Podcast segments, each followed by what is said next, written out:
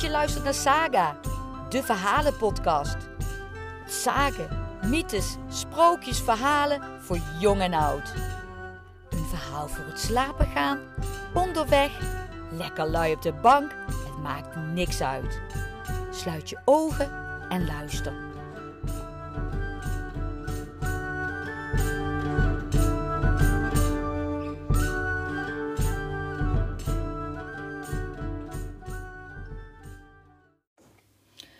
Volgende verhaal heet Een heel gewoon meisje uit Hunsingo. En mocht je een keer in Hunsingo komen, dan zie je daar een, op een wapen het plaatje van de afbeelding van een jonge ridder en een jong meisje die samen op een bruin paard zitten. En dan zie je op de achtergrond een ster stralen. En het gek is eigenlijk dat je in het plaatsje Marne precies zo'n wapen kunt eh, bekijken. Wie mogen dan wel die jonge ridder en dat jonge meisje zijn? Dat ze zowel aan Hunsingo en Marne hetzelfde wapen geven? Dat vraag ik me af.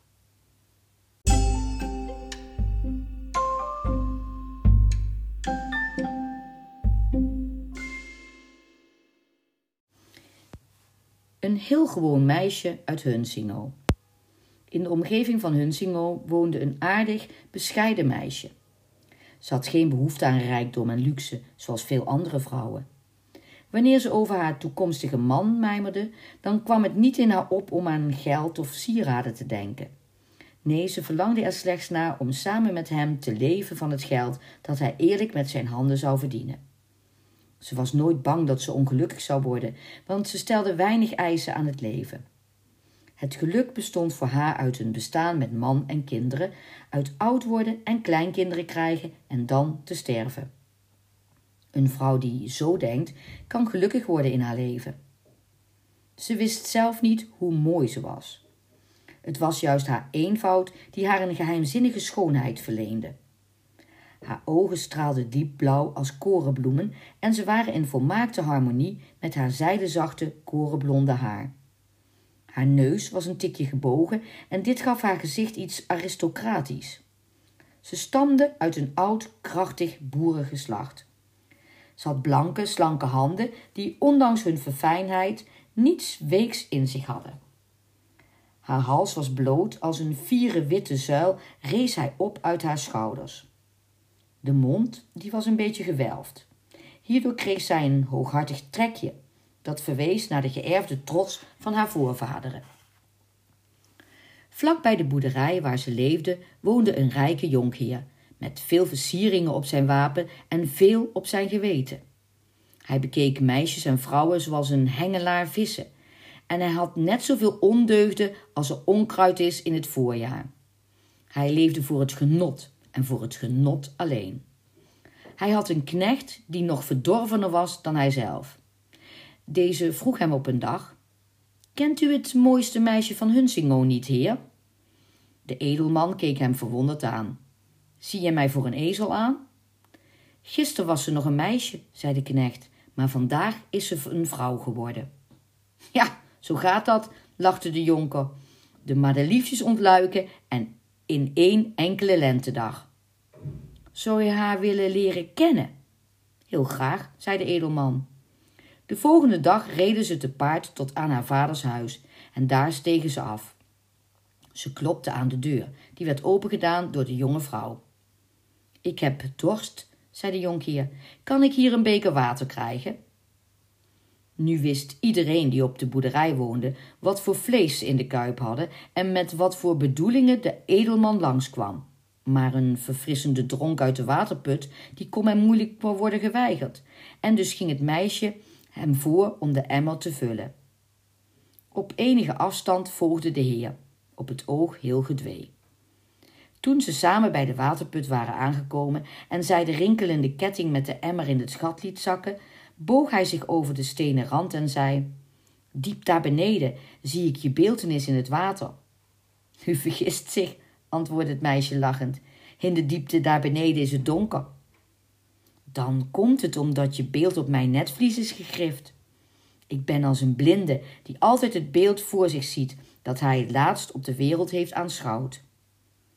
U moet zo niet tegen mij praten, zei ze. Maar ze klonk niet boos. Ik ben maar een eenvoudig meisje en u maakt me verlegen door meer van mij te maken dan ik ben. Weet je hoe ik jou noemen zal? Madelief, omdat je in één dag ontloken bent. Is het niet uw gewoonte om de kleine madelieven die in één dag ontloken zijn te plukken? die meisjes van Hunsingo weten ook alles. Hier is uw beker water. Ze had de emmer uit de put opgehaald en ze liet de ridder drinken. Toen keerde ze zich om en wandelde op haar gemak naar de boerderij terug. De knecht keek haar spottend na, alsof hij wilde zeggen: Denk jij nou heus dat je aan hem kunt ontkomen?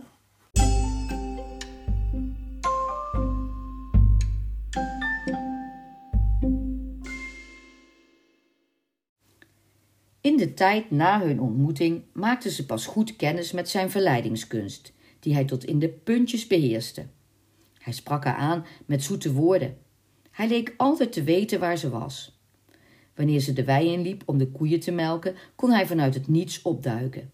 En altijd bespeelde hij haar met de taal der liefde, een melodieus register dat zachte klanken aan zijn keel ontlokte.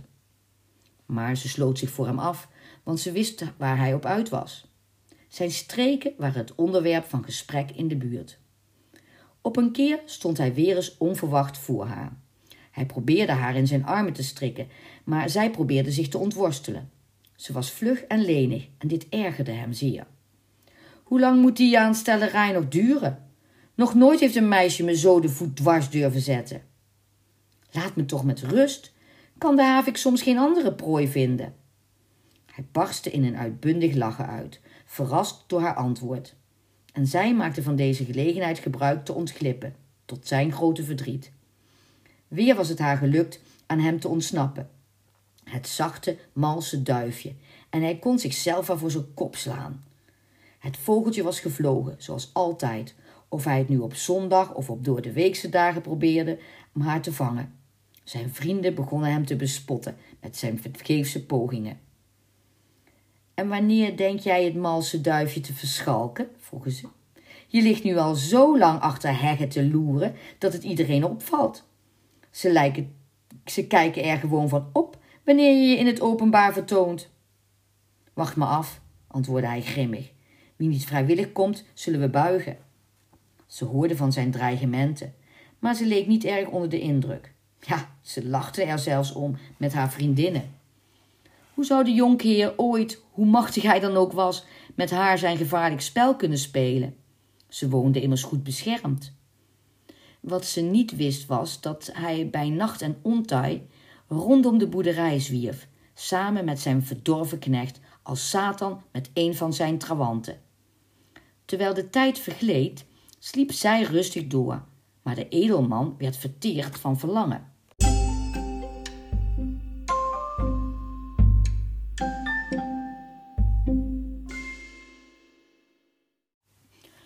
Een avond zat hij in zijn eentje in de grote zaal te treuren. Een zwoel juniwindje blies door de ruimte en wakkerde zijn begeerte aan. Op dat moment kwam zijn knecht binnen, die pal voor hem bleef staan. Jonkheer, fluisterde hij, het is zover. Wat bedoel je? Haar vader en moeder en al haar broers en zussen zijn naar een feest en zij is alleen thuis. Wil je beweren vroeg de jongeman loom, dat zij niet mee is gegaan om te spelen en te dansen? Zo is het precies. En wat moet ik nu doen? Een ladder zetten tegen haar vaders huis. Ik zeg u, jonkheer, er is niemand thuis. En de jonkheer antwoordde: Ja, ja, dat is mij alles waard. Zadel dan vlug mijn bruine paard. De knecht nam de ladder op zijn schouders en de ridder nam plaats op de brede rug van zijn paard. Zo gingen ze samen op weg. Al snel kwam de boerderij in zicht, die er verlaten bij lag. Er was geen geluid te horen. Jij hebt dus de waarheid gesproken, zei de ridder voldaan. Maar de knecht teerde het zwijgen toe en zette zijn ladder geruisloos tegen de muur. Hij plaatste zijn voeten op de treden, stilletjes en behoedzaam als een marter die s'nachts een duiventil belaagt. Het raam was dicht, maar hij klopte er zachtjes tegen en hij zei met een verdraaide stem: Dit is je broer. Ik ben vroeger thuisgekomen. Alle anderen zijn nog op het feest. Laat me erin. Ze opende het raam en in een oogwenk stond de verdorven knecht al in haar kamer. Ze wilde zich verzetten, maar hij pakte haar stevig vast en droeg haar, terwijl ze tegenstribbelde, heel behendig de ladder af. Daar stond ze dan, het eenvoudige meisje. Haar witte nachtgoed stak af tegen de duisternis van de nacht. De knecht tilde haar op een paard en meteen gaf de ridder het dier de sporen. Wat draafde het paard? Klakkerde, klakkerde, klakkerde, klak, klonken de hoeven op de weg. De maan scheen op het mooist. Waar brengt u me heen, heer ridder? vroeg het meisje. Er viel geen spoortje angst in haar stem te bespeuren. Naar mijn kasteel, waar je zult wonen in de mooiste kamer. Je hals zal ik omhangen met parels, wit en zuiver als frisse dauw. Die zullen je prachtig staan, mijn lieve madelief. Ik vraag niet om uw mooiste kamer en ik geef niks om parels. Dienaressen zullen voor je klaarstaan. Je hoeft maar in je handen te klappen en er zijn er zoveel je maar wilt. Je zult rusten in kussens van zijde en fluweel en om je armen zal ik spiralen van goud slingeren met diamanten bezet. Je voeten zal ik tooien met satijnen muiltjes. Dienaressen wil ik niet. Kussens van zijde en fluweel verlang ik niet. Spiralen van goud met diamanten bezet zoek ik niet. En uw satijnen muiltjes passen mij niet. Het paard reed verder in een woeste galop en na een tijdje vroeg ze opnieuw: Waar brengt u me naartoe? En hij antwoordde: Zal ik je meenemen, diep, diep het bos in? Ik weet een plek bij beukenstammen waar je je in het mos zult wegzinken alsof het een veren bed is. Dit is de tijd waarop de eierzwammen rijp zijn. Die glanzen in het maanlicht zo wit, zo wit, dat ze een sluier lijken te vormen over het donkere mos. Ik heb helemaal geen zin om te liggen in een bed van zacht mos. Ik wil in mijn eigen bed van stro liggen en niet met een sluier van de eierzwam om me heen, maar in het donker van mijn eigen kamertje. Laat me gaan. Het zou me eeuwig berouwen als ik je nu liet gaan. Het zou u wel eens eeuwig kunnen berouwen als u me niet laat gaan. Op deze woorden lachte de jonge lichtzinnige ridder, en zijn stem schalde over het veld als de kreet van een overwinnaar.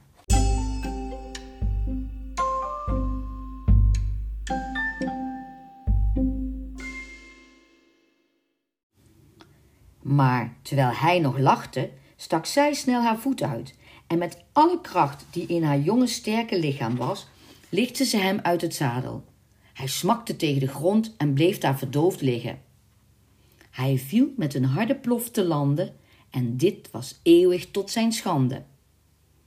De jonge vrouw wendde het paard en reed spoorslags heen, zonder de ridder nog een blik waardig te keuren. Tegen de morgen kwam ze thuis aan. De vader vroeg: Waar kom jij vandaan? Ze vertelde wat haar overkomen was, maar niemand wilde haar verhaal geloven. Zij, zo'n tenger meisje, zou de brutale jonkheer uit zijn zadel hebben gelicht? Ga zelf maar kijken, zei ze trots. Onder de bomen, aan de rand van het bos, zul je hem aantreffen. Hij heeft een flinke smak gemaakt en ik hoop dat hij van de liefde is genezen. Iedereen die rijden kon, sprong te paard en reed naar de plek die het meisje hen gewezen had. Daar lag hij, de verwaande, verdorven kerel, midden in een bed van mos. Al zijn vrienden stonden om hem heen en lachten, en ook zijn vijanden, die trouwens in de meerderheid waren. Te midden van het tumult kwam zijn knecht toegesneld. Hij tilde de ridder op en droeg hem in zijn armen naar het kasteel. Enige tijd later had de streek Hunsingo een wapen nodig. Een raad van wijze mannen koos de beeltenis van een paard met daarop een ridder en een jong meisje maar men plaatste een ster achter het stel. Dit was een teken dat de duisternis was ingetreden. De ster werd niet voor de ridder en zijn meisje geplaatst, want dat zou kunnen betekenen dat er hoop gloorde voor de ridder en dat deze een kans maakte de jonge vrouw voor zich te winnen. Het meisje is afgebeeld met loshangende haren om te laten zien dat zij tegen haar wil werd ontvoerd. Zo hing de ridder voor iedereen te kijken. Toen de jonkheer het wapen zag, besloot hij nooit meer op avontuur te gaan. En ook de knecht verliet deze streek, waar de meisjes toch o zo gewoontjes zijn.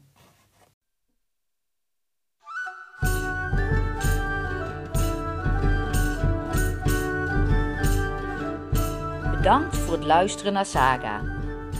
Vind je deze podcast leuk? Volg ons dan door middel van het vinkje aan te klikken en je zo te abonneren. Tot snel!